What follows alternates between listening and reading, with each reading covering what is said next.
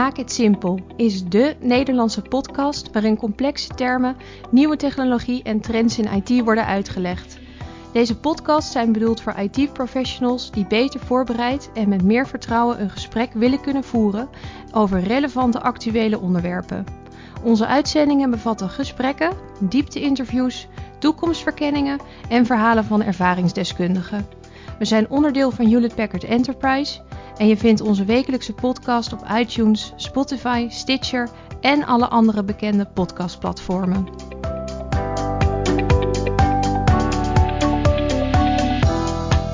Welkom bij de podcast Maak IT Simpel. Mijn naam is Clemens Esser en ik zit hier vandaag met Jeroen Bronkhorst. En vandaag gaan we het hebben over AI en in het bijzonder deep learning. Misschien Jeroen, kan jij jezelf even voorstellen? Ja, natuurlijk. Uh, ik ben Jeroen Bronkhorst. Um, ik ben innovatielead uh, binnen HPE Nederland. En daarnaast ben ik ook uh, AI-ambassadeur voor Noord-Europa. Oké, nou dan ben jij de goede persoon. hey, wij hebben al een, een aantal podcasts hebben wij samen opgenomen. Een serie rondom AI. En de eerste was generiek, aantal voorbeelden. Daarna hebben we het gehad over ML. Hoe je met rekenmodellen ervoor zorgt dat je steeds meer AI voor elkaar krijgt. En vandaag willen we het hebben over deep learning, dat dat nog één stapje verder gaat. En voor de luisteraars misschien verstandig, als je de eerste nog niet hebt geluisterd, om die nog even af te luisteren. Maar laten we beginnen, Jeroen. Als we kijken naar deep learning in het uh, kader van AI, wat moet ik me daarbij voorstellen? Nou, als je naar deep learning kijkt in de meest zeg maar, elementaire definitie, dan gaat het over uh, een, een, vorm van machine learning die is uh, geïnspireerd door het menselijk brein. het gaat over neurale netwerken, wordt het ook wel, wordt het ook wel genoemd we hebben in de vorige keer ook gezien dat machine learning betekent dat je een computer zeg maar gaat leren om zelf een bepaalde taak uit te voeren. Maar in de basis is deep learning eigenlijk niks anders als code, software, die je ook vaak onderdeel laat zijn van een, van een grotere applicatie. Oké, dus, dus eigenlijk wat we vorige keer al gezegd hadden, machine learning is de eerste stap. Deep learning is eigenlijk een verfijning van de technologie, waardoor we weer wat meer, meer zaken kunnen uitzoeken. Als je nou eens een, heb je een paar voorbeeldjes uh, van wat je dan zou kunnen doen? Ja, nou er zijn heel veel voorbeelden te noemen. Um, laat ik er een paar uithalen. Um, nou, een van de dingen die wij zelf bijvoorbeeld doen met uh, deep learning is dat wij uh, in onze fabrieken uh, camera's hebben opgehangen boven de productielijnen, waarmee, waarmee we eigenlijk een soort visuele kwaliteitscontrole doen van de moederborden die wij produceren als onderdeel van de servers en de, de apparatuur die wij verkopen.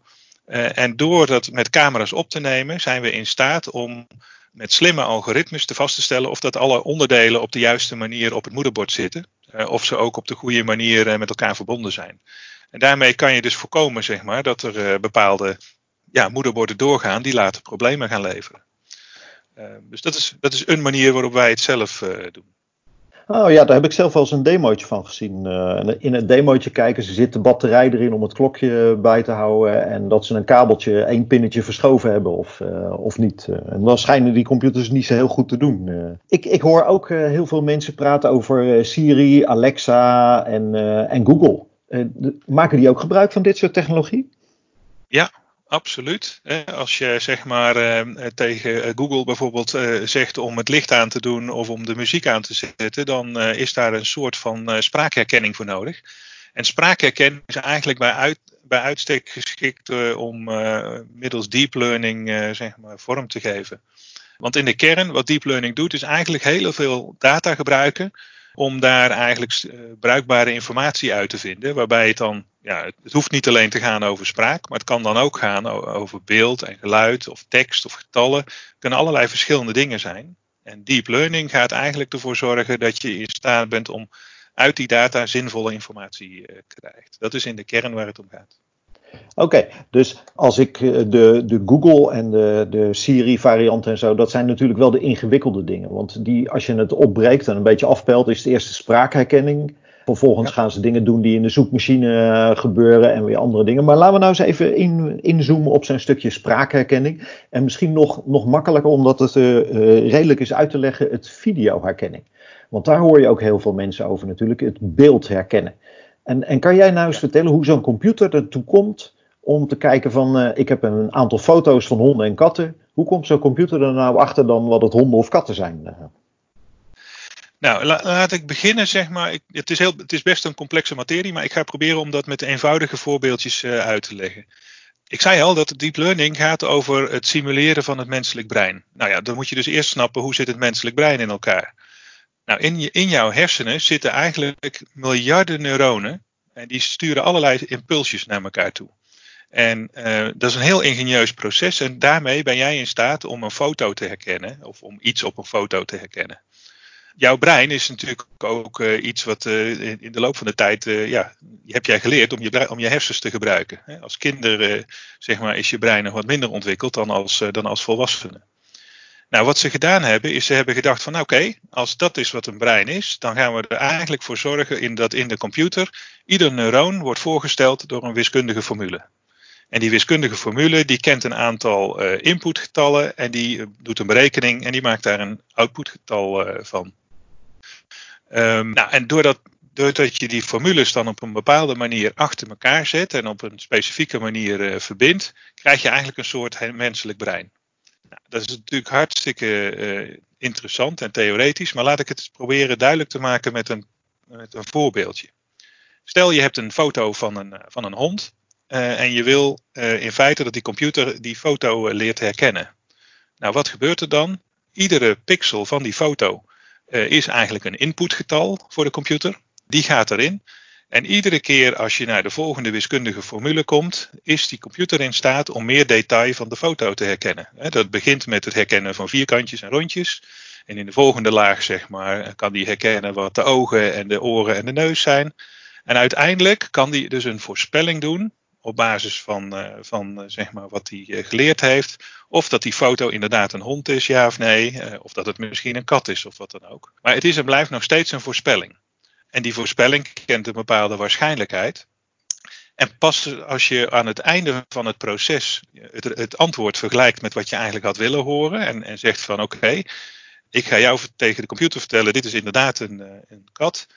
Dan kan die computer zijn eigen instellingen weer bijwerken om ervoor te zorgen dat hij volgende keer met een grotere waarschijnlijkheid wel uh, de goede voorspelling doet. Want er is altijd nog een kans dat de computer zeg maar, de foto niet uh, goed herkent. Maar op deze manier train je dus het neurale netwerk om met een hogere nauwkeurigheid een voorspelling te doen op basis van de, de input die je, die je erin stopt.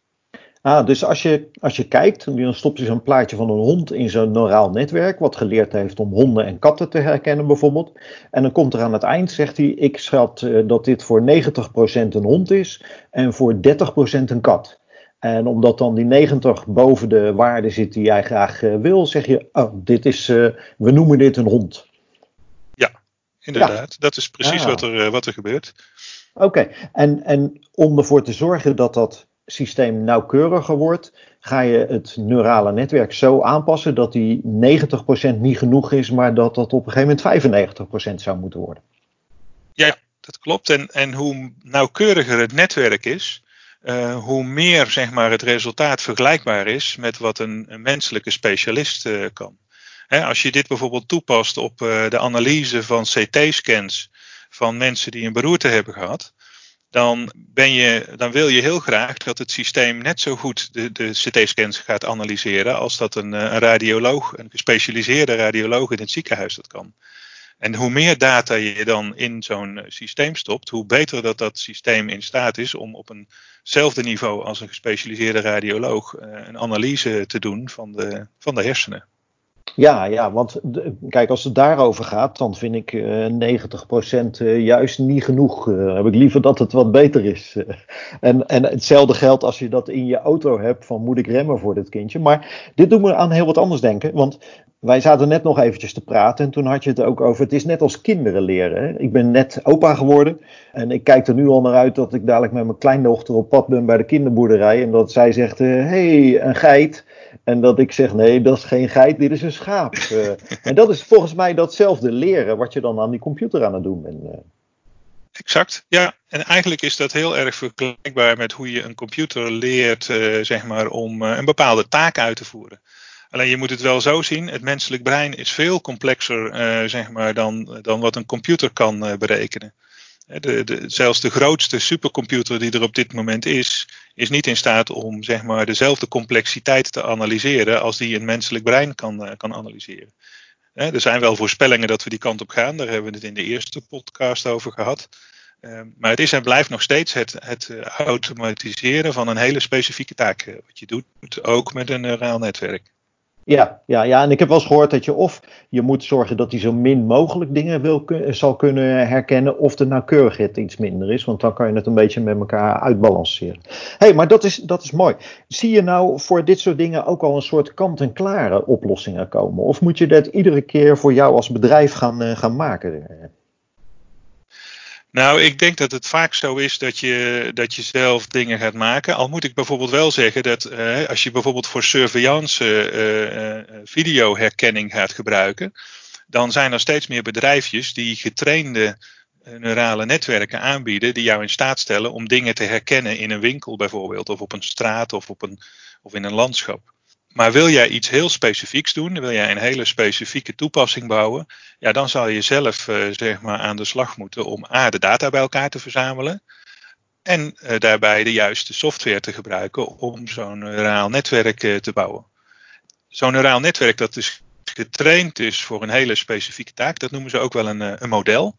Ja, die modellen zou je dus uiteindelijk niet alleen moeten ontwikkelen, maar ook moeten beheren. Hè? Want naarmate je meer data in je neuraal netwerk hebt gestopt, wordt dat model eigenlijk steeds beter in het herkennen van de, eh, van de dingen waar die voor getraind is. Ja, ja, en dat is dan ook weer kinderen natuurlijk. Want uh, als ik mijn kleindochter meeneem naar de kinderboerderij, dan gaat het over: is het een schaap of een geit? En uh, nou ja, mijn eigen kinderen zijn ooit naar de universiteit gegaan en daarvoor kon ik ze dingen uitleggen, maar nu kunnen ze mij dingen uitleggen. En dat is denk ik dan een beetje waar deze, deze wereld naartoe gaat. Nou, volgens mij hele interessante materie en een aantal leuke voorbeelden. En een klein beetje hoe, het, hoe het werkt, zonder al te diep daarop in te gaan natuurlijk. En dan zie ik nog één, uh, één ding, maar ik zie aan de tijd dat het misschien handig is om dat voor de volgende keer mee te nemen. Als je dit nou gaat doen, dan zie ik heel veel discussie over mensen die de data scientist term hoor. Ik, ik hoor data operators als term. Ik hoor uh, mijn data is vervuild. Hoe zorg ik ervoor dat ik daar wat mee kan? Dus het gaat, dit heeft heel veel met data te maken. Het heeft heel veel met modellen te maken. Maar kan je dit nou met één persoon doen of heb je daar meerdere mensen voor nodig om daar wat mee te kunnen? Ja, ik, ik, ik, denk zeker dat er, eh, dat er verschillende rollen uh, onderscheiden kunnen worden om, uh, om, zeg maar, ja, om dit soort oplossingen te kunnen, te kunnen bouwen. Het is ook belangrijk om er de goede tools bij te gebruiken. omdat je dus ook in staat moet zijn al die modellen, zeg maar, om daar versiebeheer over te doen. Maar de rollen absoluut spelen een heel belangrijke rol in het, in het bereiken van resultaten. Zeker. Misschien leuk om een volgende keer over te hebben. Nou, dat lijkt mij ook. hey Jeroen, dan wil ik jou weer bedanken voor deze sessie. Ik vond het wederom een leuk gesprek. Ik nodig je uit uh, om volgende keer over die rollen te praten, hoe je dat het beste zou kunnen uitpakken. Misschien wil je daaraan meedoen. Nou, doe ik graag aan mee. Dankjewel, uh, Clemens. Oké, okay, tot ziens. Dag. Bedankt voor het luisteren naar deze uitzending van Maak het Simpel. Wil je automatisch wekelijkse podcast ontvangen? Klik dan op abonneren in jouw favoriete podcastprogramma. Graag willen wij weten wat je vond van deze podcast en nodigen je van harte uit om een korte review achter te laten of een like. Heb je vragen of opmerkingen? Stuur dan een mail naar podcast.nl@hpe.com. Graag tot de volgende keer.